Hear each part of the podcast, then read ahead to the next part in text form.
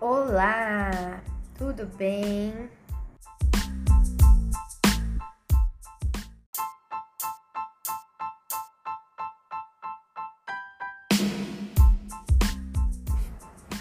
Olá, queridos ouvintes. Meu nome é Luísa e quem vai me acompanhar neste podcast vai ser a Catarina. Olá, ouvintes! No podcast de hoje falaremos sobre a descoberta na América do Sul que desafia a ideia da exclusividade masculina na caça pré-histórica. Então vamos lá!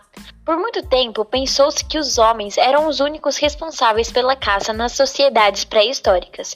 Porém, graças a um novo estudo da Science Advances, foram descobertas evidências que contradizem essa ideia. Foi encontrada uma mulher enterrada cerca de 9 mil anos atrás, junto de ferramentas de pedras usadas para caça, na região da Cordilheira dos Andes. No local em que foi enterrada também haviam ossos de grandes mamíferos, o que indica o significativo valor da caça na sociedade da qual fazia parte.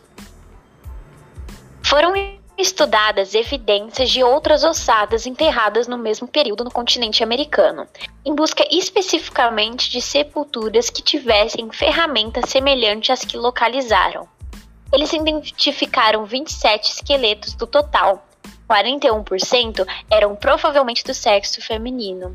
A partir desses achados, inferiu-se que a, ca a caça de animais de grande porte era feita por ambos homens e mulheres que viviam no continente americano.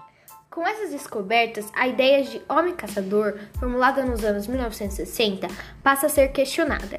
A antiga teoria supunha que apenas os homens eram os principais e exclusivos caçadores nas antigas sociedades e as mulheres cuidavam das crianças, dos armazéns de, de forragem e dos locais com disponibilidade de peixe, ou seja, era uma divisão por gênero. Estudo não é o primeiro a colocar a hipótese do homem caçador em questionamento. Outros achados arqueológicos apontam na mesma direção. Um deles foi localizado em um sítio arqueológico de 34 mil anos, em Sanhir, na Rússia, onde cientistas descobriram sepulturas de dois jovens, sendo um deles provavelmente uma menina. Ambos tinham anormalidades físicas e foram enterrados com 16 lanças feitas com marfim, de dentes de mamute, uma oferenda valiosa que provavelmente era instrumentos para a caça de 2017, descobriu-se a famosa sepultura de um guerreiro viking encontrada no começo do século XX. Pertencia, na verdade, a uma mulher. O achado causou grande impacto e, de certa forma, surpreendente discussão da época. Além disso, revela o quanto nossas ideias atuais sobre papéis de gênero na sociedade podem afetar a interpretação dos fatos históricos falou que trabalhos de homem e trabalhos de mulher podem existir por uma questão evolutiva. A divisão é considerada uma vantagem por permitir que mulheres grávidas ou que estivessem amamentando pudessem estar perto de suas casas para que elas e os mais jovens permanecessem seguros. Mas atualmente é compreendido o quanto esses modelos são simplistas.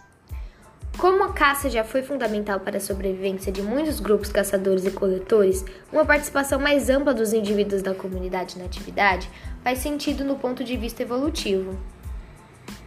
Esse foi o podcast de hoje, espero que vocês tenham gostado. Obrigada por ouvirem e até a próxima!